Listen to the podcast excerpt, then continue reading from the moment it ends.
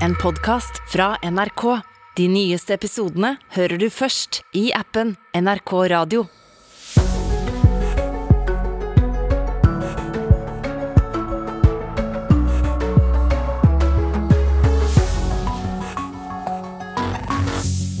Riktig god morgen. Klokka er tre minutter over sju. Det er mandag 4. juli. Dette er Nyhetsmorgen, der vi skal snakke mer om bl.a. dette. I København er tre mennesker stadfesta døde, og tre er kritisk skadde etter skytinga i kjøpesenteret Fields i går. Vi skal til vår reporter i København. Justisdepartementet vil ha undersøkt om kriminalomsorgen kan overta drifta av politiet sitt utlendingsinternat på Trandum etter den alvorlige kritikken internatet har fått fra flere hold. Og det er fremdeles ingen avklaring mellom partene i SAS-konflikten. Partene har frist til klokka tolv med å bli enige. Nyhetsmorgen i dag er ved Katrine Nybø. Vi skal først til København, der altså tre personer ble skutt og drepne da en mann starta å skyte i kjøpesenteret Fields i går. Reporter Kristoffer Sandøy, du er ikke langt fra kjøpesenteret der skytinga skjedde. Hva er siste nytt? Politiet hadde en ny oppdatering eh, før klokken ett i natt. Det var da det ble kjent eh, som du sier, at det da er eh, tre mennesker som mistet livet i denne skyteepisoden. Og det er et antall skadde. Tre av dem er altså kritisk skadet. Den ene av de er en mann i 40-årene. Det er en ung kvinne og en ung mann. Alderen på de to siste har vi ikke fått vite noe om. Og så vet vi foreløpig ikke noe mer om de tre ofrene. Eh, politiet føler seg de sier veldig sikre på at de har uh, riktig mann, som de har pågrepet i går. 13 minutter etter at de fikk melding om denne skyteepisoden i utgangspunktet. Han, eh, de har eh, også fått beslag på en rifle og ammunisjon som de mener er blitt brukt, men de vet ikke om det kan ha blitt brukt flere våpen. Det vil de da bruke dagen på å finne ut eh, av. Det er et stort politioppbud ved dette kjøpesenteret også i dag, og etterforskningen pågår selvfølgelig i stor skala. Eh, politiet har hatt en, et, et, veldig tilstedeværelse eh, både her eh, på Amager, denne øyen utenfor København, men også i hele København gjennom hele natten. Både for å jobbe, men også for å sikre befolkningen. Kan du ta oss raskt gjennom det som skjedde på kjøpesenteret i går? Ja, Det var eh, rett over klokken halv seks, 17.35 i går, at eh, politiet fikk melding om at det var eh, skyting. Så har det kommet mange mobilvideoer via sosiale medier som har vist hvordan det er en mann kledd i kortbukse, shorts og T-skjorte som går rundt med det som ligner på en, en rifle. Disse videoene er tatt før skytingen begynte. Man har også sett videoer av at folk rømmer unna når man hører da denne skytingen. 13 minutter senere hadde altså politiet pågrepet eh, en 22 år gammel etnisk dansk eh, mann, som politiet selv sier. Eh, en pågripelse som gikk rolig for seg. og de, de, de jobber jo nå med å finne ut om det har vært flere involvert her, men det har de som hovedteori at det ikke er. Og så vil jo da denne siktede, eller han vil bli siktet, han er foreløpig mistenkt, han vil bli siktet og fremstilt for varetektsfengsling. Han vil da siktet, bli siktet for eh, drap, og siktelsen kan også endre seg etter hvert som etterforskningen går frem. Hva vet vi om eh, eh, personen som er arrestert? Det er det de jobber med i stor skala for å finne mer ut av. Det er altså en 22 år gammel dansk mann. Man vet at det har vært sirkulert eh, videoer. Samtidig så var eh, videoer han, eh, som han selv har lagt ut. Samtidig så har politiet da vært veldig nøye med å gå ut og si vi skal ikke spekulere, vi skal ikke ha rykter her. Så, så, så de jobber jo nå med å kartlegge hva slags person det her er, og hva motivet kan være. Er det terror? Det vet de ikke. Er det en ustabil person? Det vet de ikke. Så her er det foreløpig mange spørsmålstegn, men, men de føler seg altså ganske sikre på at eh, de har da den, eh, den rette personen som altså vil bli siktet for drap. Hvordan eh, preger det som har skjedd København nå i morgentimene? Det kan man jo bare tenke seg. Klokken er jo syv, så, så, det er vel ikke alle som har kommet seg opp og ut av hjemmet ennå. Men det er et stort politioppbud eh, i nærheten her ved Fields, dette kjøpesenteret som ligger bare noen minutter unna. Eh, kjøpesenteret er ventet, eller de sier de vil minst holde stengt i en uke til. Eh, det er jo da åstedet, ulykkesstedet. Nå er kollektivtrafikken i gang her i området. Eh, T-banen, metroen, ble jo brukt i går for å evakuere menneskene som var til stede på en konsert eh, med Harry Styles. Denne konserten ble jo avlyst eh, etter noen timers venting. Så bare på hotellet vi har bodd, så var det mennesker i natt som, som satt slukøret med konsertbekledning på og, og, tydelig var beveget av det som hadde skjedd. Men trolig også av at de da ikke fikk, fikk se denne konserten. De var da tilreisende fra et annet land. Så dette har jo fått mange slags konsekvenser, men det er selvfølgelig åpenbart eh, verst for de som er eh, direkte rammet, eller, eh, eller kjenner noen av de som, som mistet livet eller ble hardt skadet. Mm. Hva er det som skal skje nå videre i denne saka? Om en snau time klokken åtte så vil politiet holde en eh, ny orientering. Da får vi mer informasjon. De forventer å kunne bl.a. si noe om eh, det er eh, utenlandske statsborgere blant de drepte eller sårede. De vil kanskje også kunne si mer om våpenet, hans tilknytning til det våpenet. Kanskje mer også om hva de har kartlagt, om han har samarbeidet med noen så får vi kanskje da vite om det har vært noe samtale mellom politiet og ham, men, eh, men det får man kanskje anta at eh, vil skje mye av i dag, gjennom dagen i dag. At de da får, får kontakt med den mistenkte som, som, snart vil få status som siktet, etter at han da blir fremmet for, for fengsling for retten her i København eh, i formiddagstimen i dag, som vi har fått beskjed om. Takk skal du ha, reporter Kristoffer Sande i København. Og Skytinga ved kjøpesenteret har ført til sterke reaksjoner både i Danmark og i utlandet. Utenriksmedarbeider Kari Skeie, hva går reaksjonene ut på?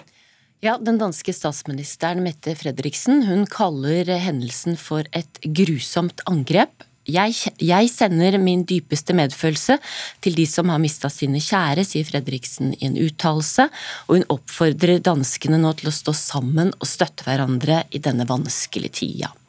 Også det danske kongehuset har uttalt seg. Dronning Margrethe og kronprinsparet sier eh, at våre Våre tanker og dypeste medfølelse er med ofrene og deres pårørende og alle dem som er berørt av tragedien. Og de mener også at situasjonen krever samhold og omsorg.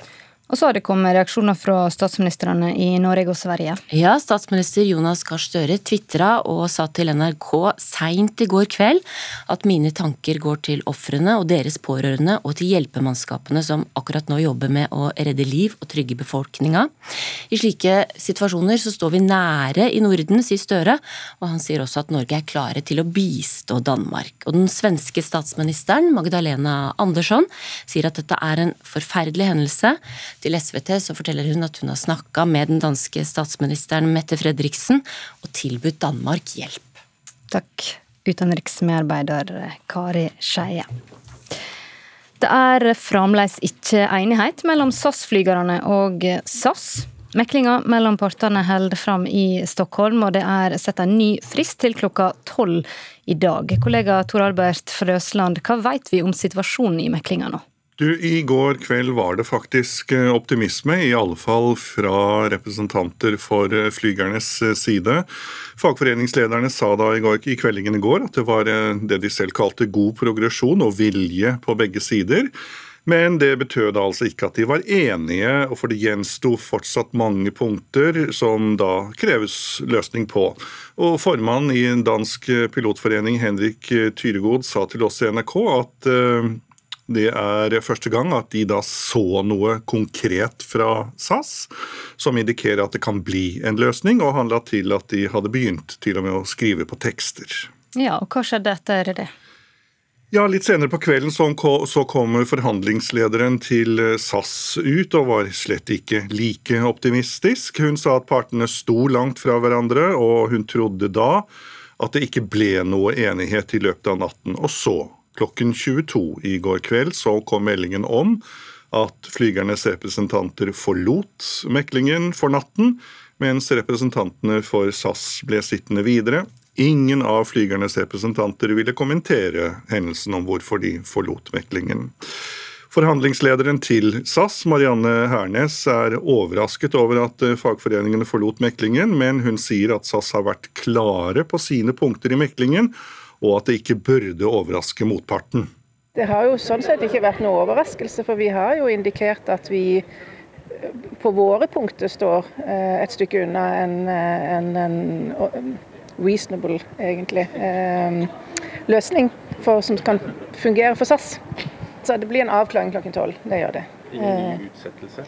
Nei, det, det tviler jeg veldig sterkt på at det blir.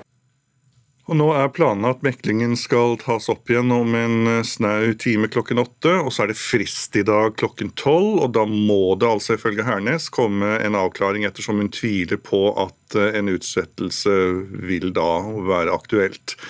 Og en eventuell streik i SAS vil faktisk ikke påvirke alle avgangene til SAS. Du kan sjekke statusen på nettsidene på, til SAS da, på om flyet ditt går eller ikke. Ja, Det er jo mange som starter ferien i dag, og kanskje skal også ut og reise. Hvordan er situasjonen nå i morgentimene på hovedflyplassen? Ja, Vi får rapporter fra unnskyld, kolleger faktisk på Oslo lufthavn at det er veldig mye folk. Det er køer både ved innsjekk og i sikkerhetskontrollen. Og Når det gjelder eh, innstillinger i dag, så er det foreløpig da meldt inn 23 innstillinger fra diverse flyselskaper. Men dersom det blir streik, så vil om lag 70 SAS-avganger i Norge rammes. Takk skal du ha, kollega Tor Albert Frøsland.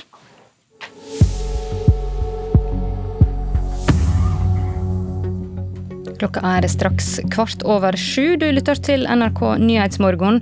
Tre personer er stadfesta drepne, og tre er kritisk skadde etter skytinga på kjøpesenteret Fields i København i går. Og Partene i SAS-meklinga har tatt pause i forhandlingene og skal møtes igjen klokka åtte. De har frist til klokka tolv med å bli enige. Og etter lang tid med tautrekking så aksepterte til slutt Tyrkia at Sverige og Finland blir Nato-medlemmer. Avtalen som måtte til har skapt reaksjoner i Sverige. Mer om det snart. Justisdepartementet vil ha utreda om kriminalomsorgen kan overta driften av politiet sitt utlendingsinternat på Trandum. Bakgrunnen er den alvorlige kritikken internatet har fått fra flere hold, og risikoen for umenneskelig behandling.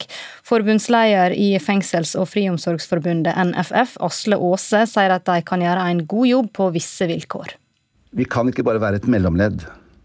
Skal vi, hvis eventuelt vi skal overta driften av Trandum, så må vi sitte med hele kjeden. Justisdepartementet ber Politidirektoratet og Kriminalomsorgsdirektoratet utrede om kriminalomsorgen bør overta driften av politiets utlendingsinternat. Ingen av de ansatte skal miste jobben, og ansvaret for uttransporter og avklaring av identitet skal fortsatt ligge hos politiet. Aase mener det er uheldig at dette unntas fra utredningen. Eh, å kunne gå inn og vurdere, sjekke. Vi kan ikke være slik at vi skal gi fra oss informasjon til noen som da skal sjekke opp det vi har funnet ut. Driften av internatet har vært utsatt for kritikk i en årrekke, og Sivilombudet har uttalt at måten internatet drives på gir risiko for brudd på forbudet mot umenneskelig eller nedverdigende behandling. Politiets Fellesforbund stiller seg positive til en utredning, men er kritiske til at andre enn politiet skal gis tilgang til politiets registre. Det sier nestleder i forbundet, Vegard Monsvold. Det som vi er skeptiske til, på en måte, sånn i utgangspunktet, det er jo tildelinga av politimyndighet. At det ikke må bli for lemfeldig. Monsvold sier det er viktig at deres innspill blir tatt på alvor, slik at medlemmene kan ha tillit til utredningen. Hvordan skal taushetsplikten mellom mellom etatene hver, mellom politiet og kriminalomsorg. Så det, det, er godt mulig at man finner løsninger på det, men vi er veldig opptatt av at skal, de momentene vi har spilt inn, det skal utredes grundig. Det må være reelt. Jeg tror at det er klokt eh, å skille de som driver institusjonen fra de som eh, skal eh, gjennomføre uttransportering. Bernt Apeland er generalsekretær i Norges Røde Kors. Organisasjonen har i flere år drevet en besøksordning ved utlendingsinternatet, og mener det er viktig å etablere et internat som ikke framstår som et fengsel. I andre land så er det f.eks. migrasjonsmyndighetene som, som, driver disse institusjonene. Og det er viktig å minne om eh, at de som sitter på Trandum, de sitter ikke der fordi de er straffedømte. Ifølge politiet er hovedformålet med utlendingsinternatet å drive avklaring av identitet. Likevel mener Bernt Apeland at hensynet til de internerte må veie tungt, og at andre kan drifte internatet. Det er ingen tvil om at politiet har en viktig oppgave i å avklare eh, ID. Eh, samtidig er jeg helt overbevist om at det lar seg gjøre også eh, i en institusjon som ikke driftes av eh, politiet. Og Justisdepartementet skriver i en e-post at de vil sette seg inn i utredninga og tilrådinga før de tar stilling til saka.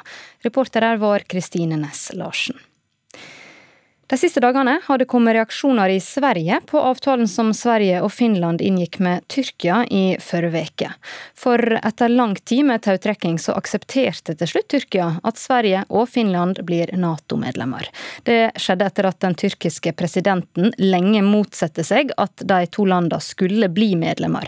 Han mener bl.a. at de er for ettergivende for flere kurdiske organisasjoner, som den tyrkiske presidenten Erdogan mener er terrorister stater. Men i samband med Nato-møtet i Madrid i forrige uke ble de altså enige. Og My Roverder, politisk reporter og kommentator i Aftonbladet, god morgen. God morgen. Kan du uh, forklare denne avtalen litt for oss? Men det går ut på å stärka banden mellom Turkiet og Sverige og Finland. Og da er det jo framfor alt at man skal stärka arbeidet kring terrorbekämpning, utlämning av terrorister mellom Sverige og Turkiet og at Sverige skal kunne selge vapen til Turkiet i framtiden. Och just det här med vapenexporten det är ju en del av att Sverige blir medlemmar i NATO så det är inte specifikt av relationen till Turkiet. Men det är ändå en stor skillnad hur man har sett på vapenexporten tidigare. Hvilke reaksjoner har denne avtalen fått i Sverige? Det är ju en stor politisk majoritet kring att gå med i NATO. Det finns två partier som är emot, det är Vänsterpartiet och Miljöpartiet. De är relativt små partier. Ehm, men de är också självklart kritiska till liksom alltihopa. De vill inte gå med i NATO och de är mycket, mycket kritiska då till det här avtalet med Turkiet. Vad är det de är kritiska till? Ja, men det som har varit mest debatt i den här delen som handlar om att utlämna terrorister. Det är ju en ganska stor grupp i Sverige som har kurdisk bakgrund och då finns det en rädsla till hur, för hur här med terrorbrottslighet, hur det tolkas. Vad är en terrorist och vad är terrorbrottslighet? Och det är ju inga hemligheter att Sverige och Turkiet har olika definitioner av vad terrorism är. Är det överraskande att den kritiken har kommit? Egentligen är det inte det. Framförallt inte från Vänsterpartiet och Miljöpartiet eftersom de är eh, kritiska till eh, liksom det här avtalet och till Turkiet och till att gå med i NATO. Eh, men sen så har vi också, jag såg bilder här nu på Amineh Kakabaveh, den här politiska bilden i Sveriges riksdag som var avgörande i att Magdalena Andersson skulle bli statsminister i omröstningen. Hon var den ena rösten som liksom tickade över till Magdalena Anderssons fördel. Hon har ju kurdisk bakgrund. Hun hon har också varit ett rött skynke för Turkiet och hon har ju då också spelat roll i och med att hon har ingått ett avtal med Socialdemokratiska partiet, inte regeringen då, om att stärka samarbetet och banden till det här kurdiska partiet som styr det kurdiska självstyret i Syrien.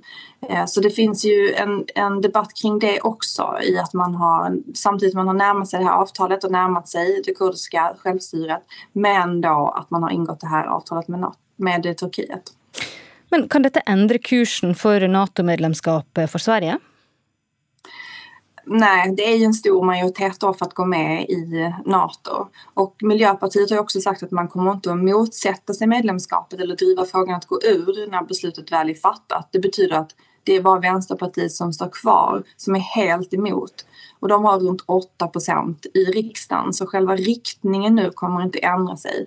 Däremot kan vi väl se, kommer vi kanske se en del debatt i efterhand. Bland annat då så skulle det kunna bli en stor svekdebatt inom socialdemokratin om det visar sig att man gör saker då som eh, man inte förväntar sig som man säger nu. Man säger ju nu att det här avtalet ändrar egentligen ingenting utan det bara förstärker eh, liksom den uttalade relationen till Turkiet.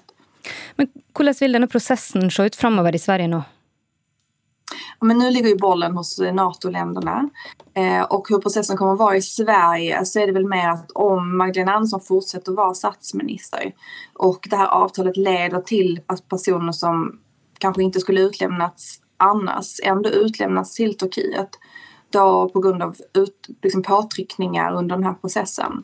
Eh, då kommer det att bli eh, väldigt svårt att eh, ha, svårt för Magdalena Andersson med den debatten. Sen tror jag också att om det kommer att vara påtryckningar från Turkiet att hantera det som man kallar då antiturkiska uttryck i Sverige. Det går ju liksom rakt emot allting som den svenska eh, liksom tanken om yttrandefrihet och demokrati som finns i Sverige. Mm. Det finns en del luddiga skrivelser om det i det här avtalet.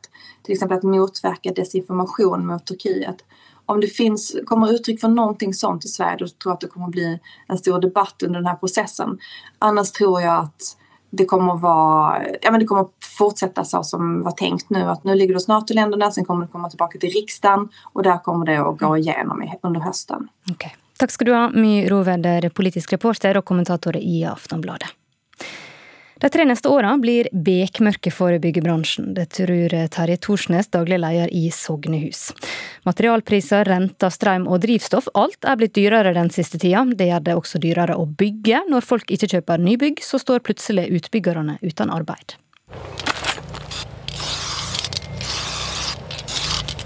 Nå merker jeg hytte nummer 13 i Rindabotn fjelltun. Terje Thorsnes streker ut hvor ei av hyttene de bygger i hyttefeltet i Sogndal skisenter skal komme. Han er daglig leder i Sognehus, som har spesialisert seg på å bygge ferdighus og hytter. Er denne hytta solgt, eller? Ikke denne, men nabohytta er solgt. Det er jo den ytterste. Dyrere byggematerialer, renteauke, rekorddyr strøm og drivstoffpriser langt oppå 20-tallet er alle ting som har gjort det vesentlig dyrere å bygge nytt de siste par åra. Og at det er dyrere å bygge hus for eh, kundene, kommer han og de andre i bransjen til å merke, tror Thorsnes. Akkurat nå ser det bekmørkt ut, det, det, må jeg, det, må jeg, si. Nå er det mye negativitet med tanke på priser. I fjor på denne tiden hadde vi solgt 30 enheter, i år har vi solgt tre eller fire. Det er klart det er kritisk, det sier seg selv. Nå har vi heldigvis en god del prosjekt utenom som vi har utvikla over tid, og som kommer sånn dryppende nå og da. Med mindre du har mye kapital og, og uh, har en ordrereserve der du vet du får bygge nå, så, så, tror jeg nok det Forhåpentligvis så får de avvikla, men jeg tror òg at det blir et ras av konkurser framover. Vi er bekymret for den utviklingen vi ser for mange som produserer bolig rundt omkring i landet. Det sier Lars Jakob Him, som er direktør i Boligprodusentenes forening. Den klare utviklinga er at det blir solgt færre nye enebosteder, småhus og fritidsbosteder.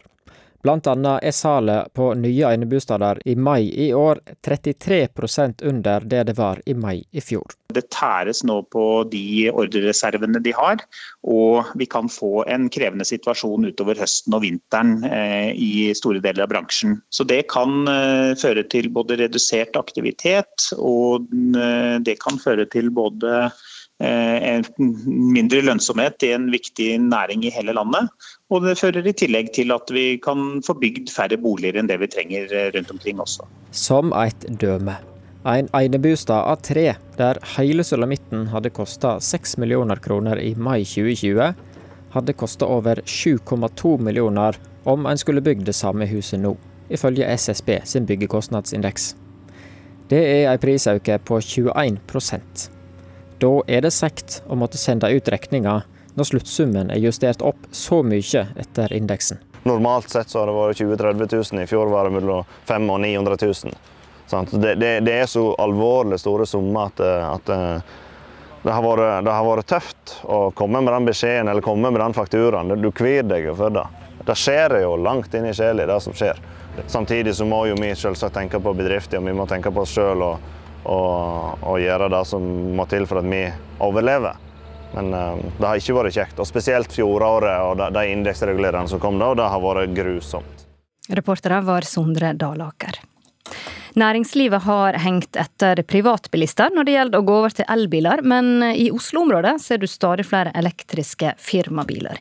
I en fersk NHO-undersøking svarer nær halvparten av de som leverer eh, varer og tjenester i Oslo, at de har begynt å bruke elektriske varebiler. En av dem er Hako Elektro på Ensjø. Daglig leder Ole Kristian Skarby forklarer hvorfor.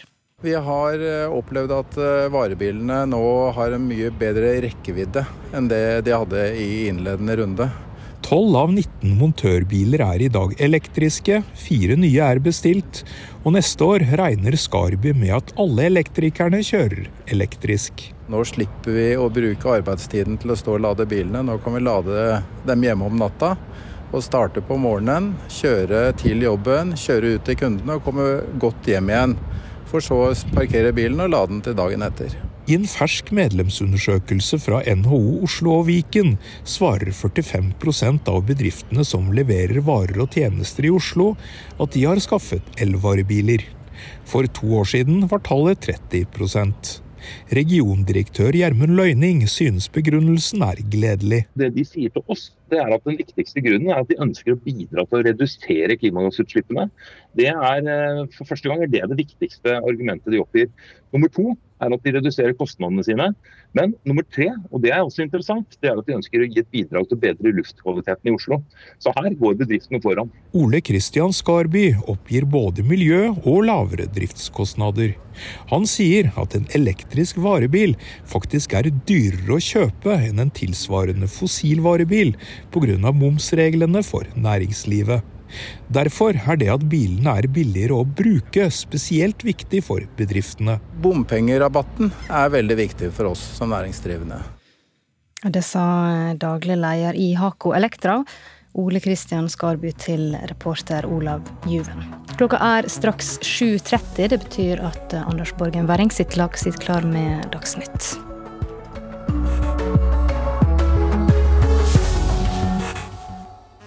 Sommer i P2. Jeg heter Svein Tindberg, og i mitt Sommer i P2 forteller jeg om hvordan lukten i en gammel heis, lukten av svette, av nerver, av sminke Ja, kanskje var avgjørende for at jeg valgte skuespilleryrket. Sommer i P2 i dag klokka ni.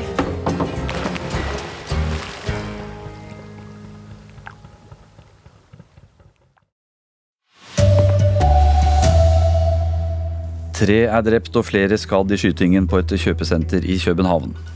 Fristen nærmer seg for tredje gang. Fortsatt ingen avklaring i SAS-konflikten. Å donere arvet kunst til museer, det er ikke alltid like lett. Museer kan ikke være sånn oppsamlingssteder for eh, all slags privatarkiv og sånn. Det går ikke. Her er NRK Dagsnytt, klokka er 7.30. Først eh, skal det altså handle om skytingen i eh, Danmark. Eh, skytingen ved dette kjøpesenteret har ført til sterke reaksjoner både i Danmark og utlandet. Utenriksmedarbeider Kari Skeie, hva går reaksjonen ut på?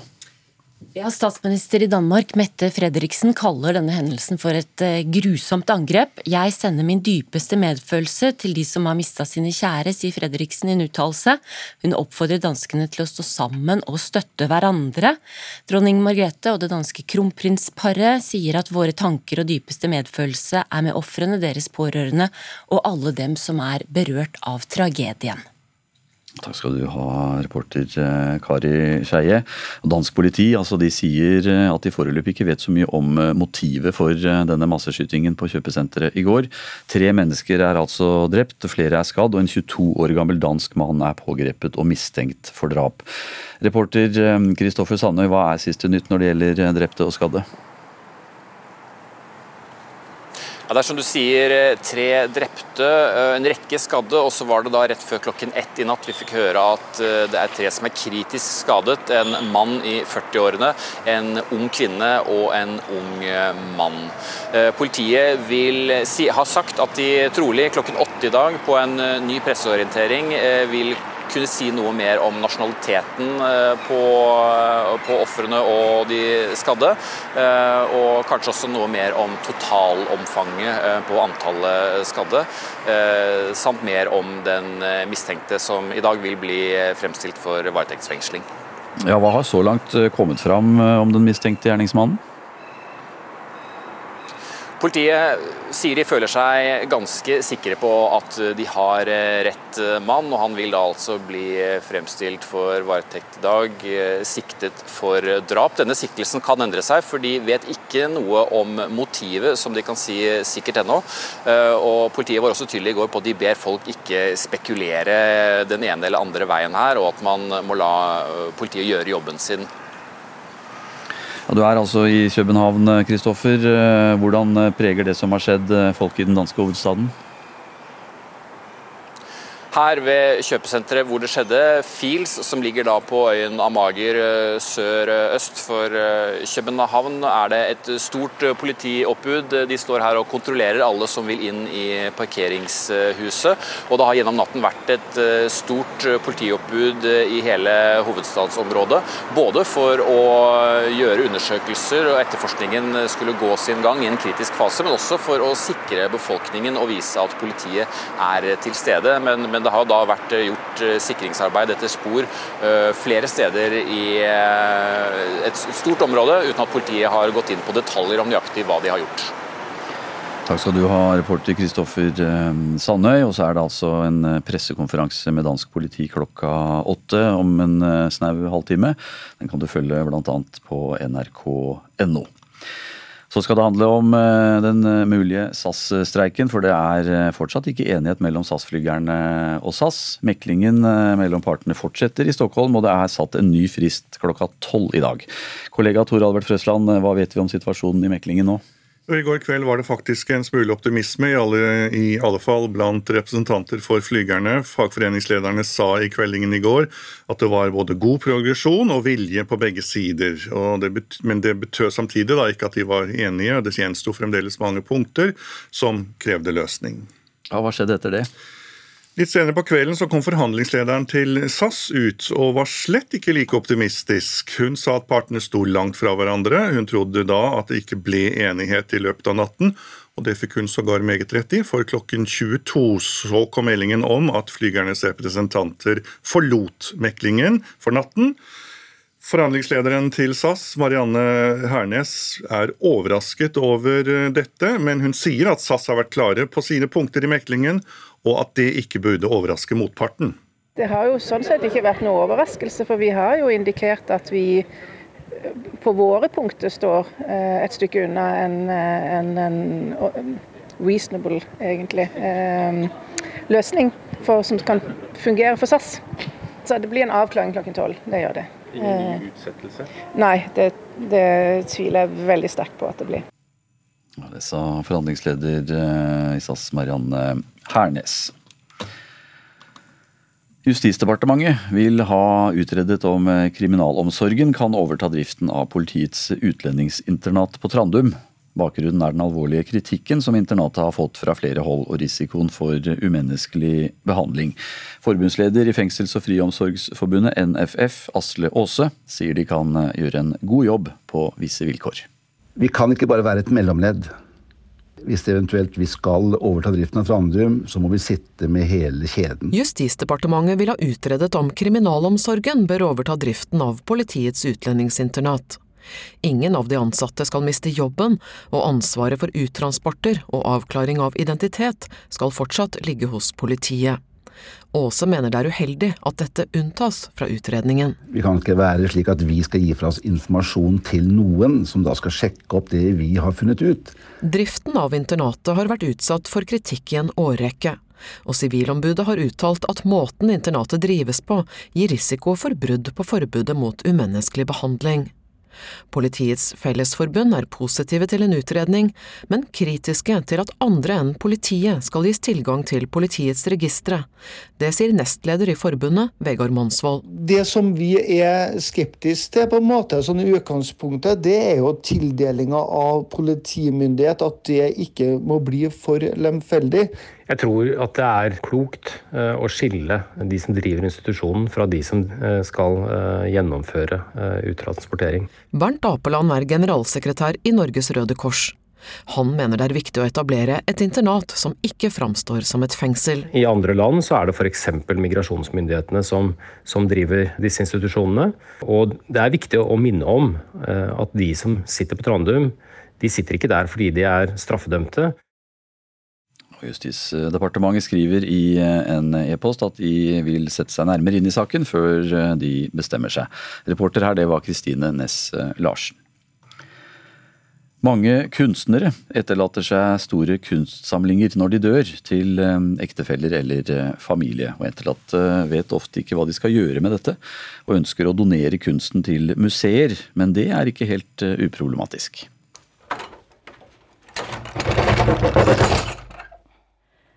Så er det ting på rull, det er ting på lerret, det er tegninger, det er skulpturer. Små og store formater. Mange opplever det samme som Kari Sånum, som å lagre kunstsamlinger bak lukkede dører, etter at hun arvet hele livsverket til mannen sin og kunstneren Carl Erik Nilsen etter at han døde. For det er ikke nok plass. Noen tilbyr samlingene til museer, men Kulturrådet advarer museene mot å si ja til alt de blir tilbudt. Museumsfaglig sterkeste måten å gjøre det på er å si at vi velger. Fins det 1000 verk her, så vil vi ha disse 50. Fordi eh, museer kan ikke være sånn oppsamlingssteder for eh, all slags privatarkiv og sånn. Det går ikke. Dette sier Jonas Ekeberg, som er fagansvarlig for visuell kunst i Kulturrådet. På Lillehammer kunstmuseum har de opplevd å måtte takke nei til kunst de har blitt tilbudt. Har vi plass, har vi ressurser, har vi konserveringsressurser, og har vi nok behov å vise denne samlingen ofte. Olsen poengterer at de likevel er helt avhengige av donasjoner fra private givere. I dag finnes ingen ordning for bevaring av privat kunst, og derfor skal Kulturrådet lage en utlysning om et utredningsoppdrag for å kartlegge hvordan man best mulig kan bevare kunst i fremtiden. Det sa reporter eh, Kristin Sverre Østensvik. Det er 4. Eh, juli i dag, og det betyr eh, at eh, USA har nasjonaldag. Men det betyr også at vår egen dronning Sonja fyller 85 år. Og ifølge kongehuset så er det ingen offentlige arrangementer i forbindelse med 85-årsdagen, og dronningens bursdag den feires privat på ferie på Helgelandskysten. Kongehuset de har opprettet en gratulasjonsprotokoll på nettsiden sin for de som ønsker å gratulere dronningen med dagen. Det er eh, Anne Skårseth som har ansvaret for eh, NRK Dagsnytt i dag. Jeg heter eh, Anders Borgen Werring.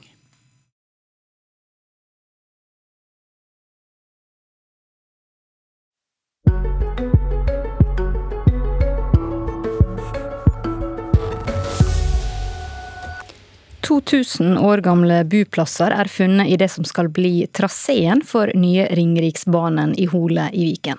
Ifølge arkeologene fra Kulturhistorisk museum, som står for utgravingene, gir funnene viktig kunnskap om samfunnet og mennesker som levde her i jernalderen. Vi ser jo her restene etter, etter trekullet sånn, som ligger i, i, igjen eh, i denne kokegropen, som vi kan se eh, nedgravninger bortover her. Steinar Solheim er arkeolog, og viser oss en av flere kokegroper de har funnet i det som skal bli traseen for nye Ringeriksbanen gjennom Hole. De avtrykkene vi finner i undergrunnen her, det viser oss at det har vært, eh, har vært menneskelig aktivitet eh, eller bosetning i dette området langt tilbake i tid. Aktiviteten skjedde mellom 0 og 500 etter Kristus, og da snakker vi om eldre jernalder.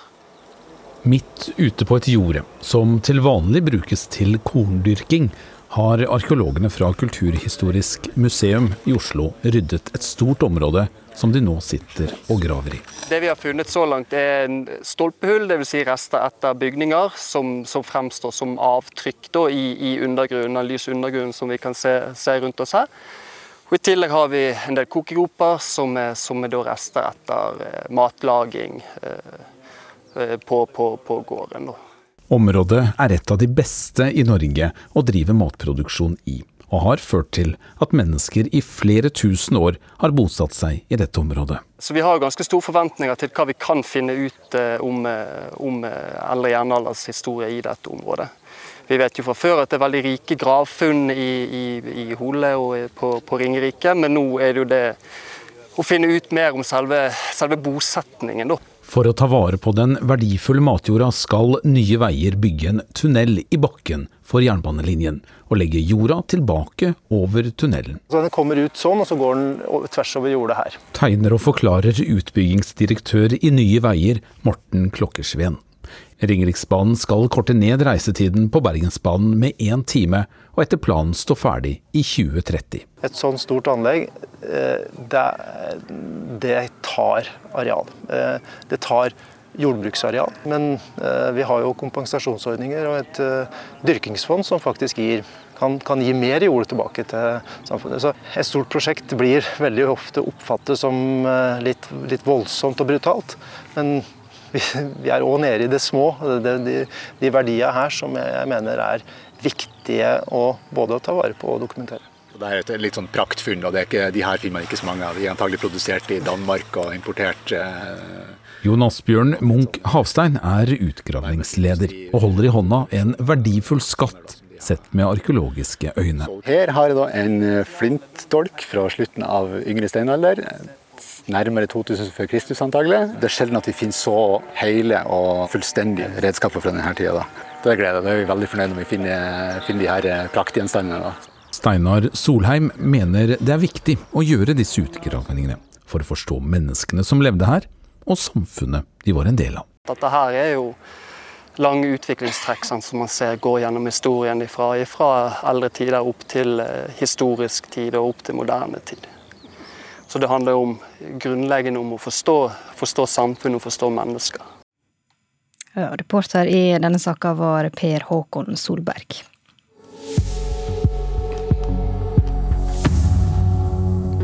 Klokka er straks 7.44. Dette er NRKs Nyhetsmorgen. Tre personer er stadfesta døde, og tre er kritisk skadde etter skytinga på kjøpesenteret Fields i København i går. Politiet i Danmark har varsla ny pressekonferanse klokka åtte. Og Partene i SAS-meklinga har tatt pause i forhandlingene og skal møtes igjen klokka åtte. De har frist til klokka tolv i dag med å bli enige. Og det er mye folk på Oslo lufthavn i morgentimene. Mange skal ut på ferie, men det er ikke mer folk enn det er det som er vanlig i ferierushet, forteller pressevakta i Avinor til NRK. Klokka er straks 7.45. Politisk kvarter har tatt sommerferie, men i sommerkvarteret får du møte kjente og ukjente stemmer som på en eller annen måte står midt i de store endringene som skjer i Norge i dag. I dag har reporter Mats Rønning snakka med Kristin Halvorsen, som du skal få høre straks.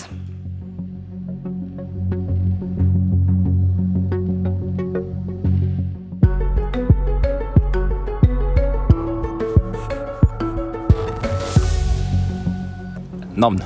Kristin Halvorsen. Alder? 61 år. Stilling? direktør på Cicero, Senter for klimaforskning. Hvor var du da Russland invaderte Ukraina? Jeg var hjemme og sjokkert. Og det var en veldig uhygge som bredde seg. Hvis jeg spør eh, hva du mener om norsk medlemskap i Nato, hva svarer du nå da? Da får du ikke noe svar, fordi at nå er ikke jeg partipolitiker lenger. Men det var du i 1989, da du grep eh, ordet i trontaledebatten den gangen, og for første gang eh, fra Stortingets talerstol tok opp miljøpolitikk. Eh, da angrep du Fremskrittspartiet for å ha sagt at man om ti år, altså i 1999, ikke lenger ville snakke om drivhuseffekt og ozonlaget. Husker du den debatten? Jeg husker ikke akkurat den eh, debatten, men jeg husker jo eh, den politiske dagsorden fra den gang hvor spørsmål rundt eh, klima og klimaendringer var et mye mer kontroversielt eh, tema. Nå er det jo veldig få som stiller noe spørsmål ved vitenskapen, som jo veldig tydelig slår fast at klimaendringene er menneskeskapt. Eh, og at de er pågående, og at de er sterkere enn vi trodde før. Og den politiske dagsordenen er veldig mye mer hva, hva skal vi gjøre, og hvor fort kan vi få løst det. Men eh, Peter N. Myhre, da, som eh, sa dette om eh, ozonlaget, han hadde kanskje rett? For vi snakker jo ikke så mye om ozonlaget lenger. Nei, og der har det jo vært en internasjonal avtale som var veldig effektiv. Så den er egentlig til stor inspirasjon også for klimaarbeidet. Det blei raskt internasjonal enighet om å kvitte seg med disse KFK-gassene som bidro til problemene med ozonlaget. og vi er i ferd med å ha løst det problemet. Hva forteller det deg? At det nytter.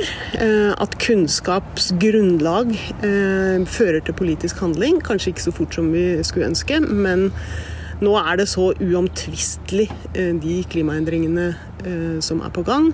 Og FNs klimapanel slår jo veldig tydelig fast at selv om vi nå skulle lykkes med Parisavtalens mål og få ned utslippene i en sånt omfang som ambisjonene der sier, så er mange klimaendringer irreversible. Og veldig mange mennesker vil påvirkes av hetebølger, mangel på vann.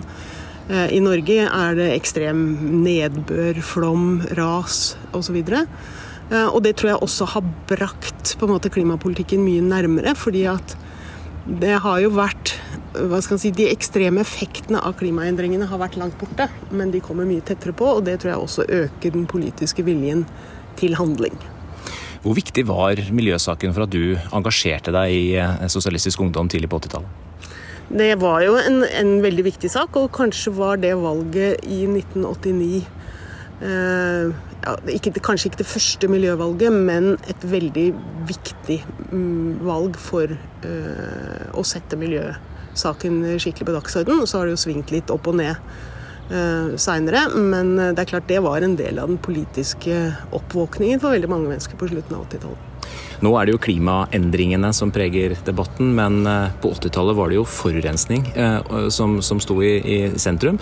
Sur nedbør bl.a., og også forurensede elver og vassdrag. På hvilken måte har debatten om miljø og klima forandra seg på de åra som har gått siden du ble politisk aktiv?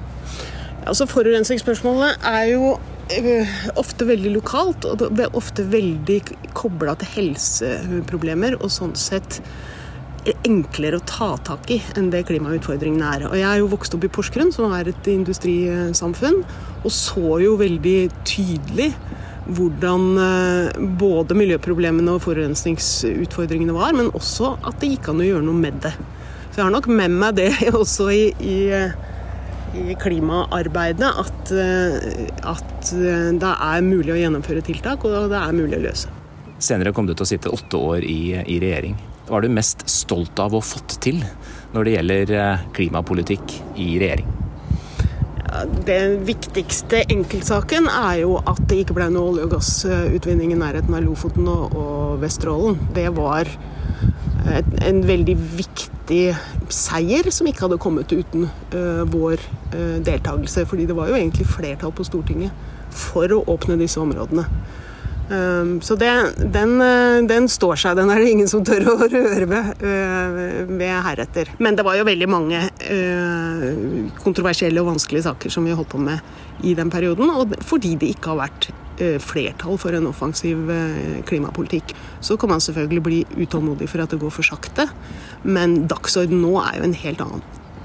Andre stolper fra den tiden var eh, kvotehandel, det var elektrifisering av installasjonene på norsk sokkel, og det var CO2-fangst og rensing. Eh, står disse tre klimatiltakene seg like godt nå som de gjorde da? Ja, CO2-fangst og -lagring har hatt en veldig lang og trang fødsel. Og nå er det jo ikke egentlig mangel på teknologiske løsninger på dette. Men det som mangler der, er jo en forretningsmodell. Det er for billig å slippe ut CO2. Det er ikke økonomi i å fange og lagre det eh, sånn som det er nå. Men det kommer jo opp eh, hva skal jeg si, eh, forslag der også. Og og det kommer til å bli lagra CO2 på, på, norsk sokkel, men spørsmålet er jo om det er i et omfang som vil monne.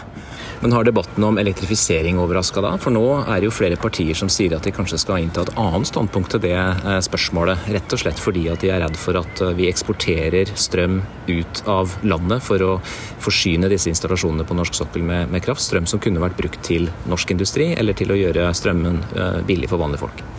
Ja, jeg tror det har vært en skikkelig oppvåkning nå som vi har fått eh, så høye strømpriser, og at vi eh, har innsett at eh, ren kraft er et knapt gode på en helt annen måte enn før. Og Da kommer man i noen sånne klimapolitiske dilemmaer. fordi hvis Norge skal innfri sine mål med å redusere nasjonale utslipp i det omfanget som vi har forplikta oss til fram mot 2030 og videre så er elektrifisering av sokkelen en, eh, en helt klar eh, nødvendighet. Men det kommer jo ikke til å løse klimautfordringene fram til 2050, For da må betydelige deler av norsk olje- og gassvirksomhet være eh, avvikla. Men er vi ikke inne på noe som gir eh, klimaaktivistene motløshet her? Hver gang det kommer et nytt tiltak, så kommer det et politisk argument som gjør at eh, tiltaket ikke kan gjennomføres. Denne gangen er det da snakk om elektrifisering av sokkelen. Det har vært interessekonflikter knytta til utvikling av vindkraft på land også tidligere, og nå er det seneste eksempelet Russlands sikkerhetspolitiske trussel overfor Europa, som gjør at mange mener nå må Norge eh, skyve på sine klimamål og sørge for å forsyne Europa med olje og gass i lengre tid enn vi til nå har, har trodd. Men det er ikke noe rart at vi nå kommer i en situasjon hvor eh, gode intensjoner eller gode målsettinger står mot hverandre. Eh, ta f.eks. diskusjonen om vindkraft på land. Vi har en omfattende spørreundersøkelse i CICERO som vi har gjennomført fra 2018, og de samme spørsmålene over tid. Og Det er vel ikke noe spørsmål som har hatt så dramatisk endring i oppslutning som vindkraft på land, fordi det var et klart flertall for i 2018. Og det, den oppslutningen er halvert, og nå er det et klart flertall mot. Det har endra seg litt eh, fra i fjor til i år, på bakgrunn antagelig av eh, både strømpriser og, og, krigen i Ukraina. Så nå er det en litt eh, økende tilslutning til det igjen. Men vi må, se, vi må klare å gå de balansegangene mellom Eh, naturmangfold eh, og behovet for fornybar eh, kraft. og Derfor er ikke veien på en måte så rett fram. Det kommer til å være konflikter og motsetninger rundt mange klimatiltak framover, men vi må jo løse dem. Mange er jo så motløse nå at de tyr til ganske dramatiske virkemidler for å få fram saken sin. Tidligere i vår så, så, var det aktivister i stortingssalen som limte seg fast på galleriet, og de sier at politikerne klarer ikke å løse problemene med klimaendringene. Hva vil du si til den som føler at eh, politikerne her har spilt fallitt? Eh, jeg skjønner den utålmodigheten som, eh, som, mange har, men nå er jo jeg blitt så gammel at jeg kan se meg litt tilbake òg. Og det er jo en helt annen dagsorden rundt klima og klimapolitikk i dag enn det var for noen få år siden. Så går det for sakte, det er klart det gjør.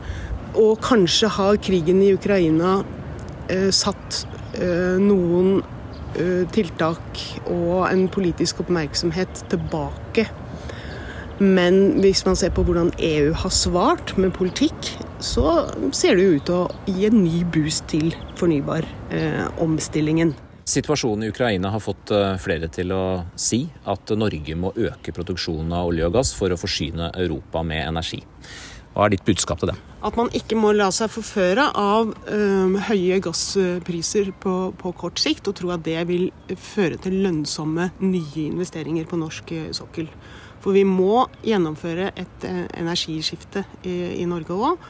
Og det betyr at olje- og gassproduksjon må Eh, reduseres eh, framover. Og det er kanskje en veldig stor fare i Norge sånn som det er nå, fordi at eh, prisene på gass er så høye, og det er fristende på en måte å tenke at nå kan denne olje- og gassalderen vare litt til.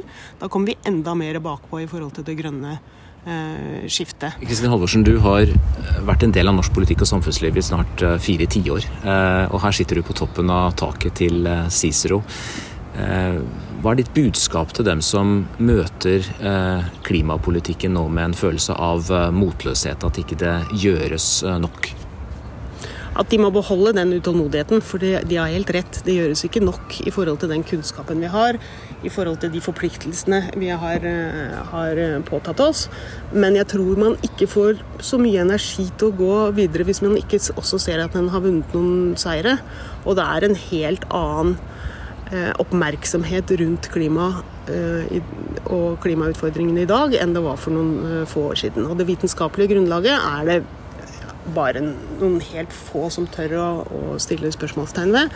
I Norge kommer jo diskusjonen framover til å handle veldig mye mer om kommer nå denne krigen i Ukraina, økte priser for gass til å føre til at vi lener oss tilbake og henger enda mer etter resten av EU når det gjelder eh, klimaomstilling og innføring av det grønne skiftet. Og det ville være veldig, veldig eh, farlig for oss, fordi da går veldig mange muligheter tapt. Du har sagt at politikerne skal gå foran, men ikke for langt foran. Ehm, er det noen eksempler fra andre deler av politikken som du mener kan gi grunnlag for inspirasjon da, hos dem som eh, måtte være utålmodige med tanke på klima? Røykeloven er det mest kjente. Eh, den var jeg jo med på å vedta sjøl i Stortinget i sin tid, og jeg må si jeg var litt eh, engstelig for den. Hva ville det bety? liksom? Ville folk som gikk på kafé og traff folk, uh, begynne å sitte hjemme fordi de ikke fikk røyke osv. Så sånt. Men det tok jo bare et halvt år før alle begynte å, lure på hva i all verden var det vi tenkte på. Når vi så på at familier fylte bilen og reiste på tur til Sørlandet i fire timer, og faren satt og røyka 20 South State uten filter og lurte på hvorfor unga ble kvalme. Jo, altså, vi tenker helt annerledes enn rundt det nå, men altså, til og med sikkerhetsbelter i bil var jo veldig omstridt en, eh, en, lang stund. Det ble kalt for pysestrikken, og det var inngripende i privatlivets uh, frihet. Men den har nok redda ja, Forskning sier at den har redda én million menneskeliv. Uh, så den, er, den diskusjonen er jo også over. Alle restriksjoner på bil. altså hvis det var planlagt eh, motorvei gjennom Frognerparken i, i, Oslo, og vi hadde trafikkmaskin mellom rådhuset og, og, kaia. Og nå er det jo ingen som roper etter å få den bilen eh, tilbake. Klimautfordringene er langt mer sammensatte og mye mer komplekse, men de er menneskeskapt. Og det som er menneskeskapt, kan faktisk mennesker gjøre noe med øh, også. Og vi vet hva som skal til. For vi må øh, fri oss fra fossile brensler og over på fornybar, og vi må ta vare på de ressursene vi har på en helt annen måte enn før. Skal du selv eh, fly i sommer? Ja, det skal jeg. Enkelte aktivister mener man bør slutte å fly og slutte å spise kjøtt av hensyn til, til klima. og Hvilket ansvar har den enkelte for å bidra til positiv utvikling når det gjelder klimaendringer? Jo, alle har et ansvar for å tenke igjennom øh, forbruket sitt. Men jeg kommer ikke til å være 100% asket. Med grunnlag i den forskningen som Cicero nå gjennomfører, hva vil være det viktigste Norge kan bidra med for å få ned utslippene på globalt nivå? Det vil jo være å, å, eh, redusere og fase ut vår egen olje- og gassproduksjon, men også å sørge for at vi fortsetter å produsere fornybar kraft i det omfanget som vi gjør, og utvider det. Og også har overføringsmuligheter til eh, resten av Europa. Det vil ha stor betydning. Avslutningsvis er vi sitter på taket til Cicero. Nytter det? Det nytter. Det tar litt lengre tid enn eh, det skal. Eh, men vi har så mye kunnskap, og det har skjedd mye på både internasjonalt og nasjonalt når det gjelder klima. Men vi har dårlig tid, så det er ingen som kan lene seg tilbake.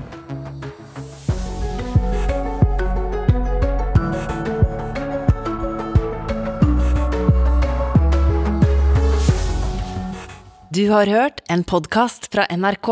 De nyeste episodene hører du først i appen NRK Radio.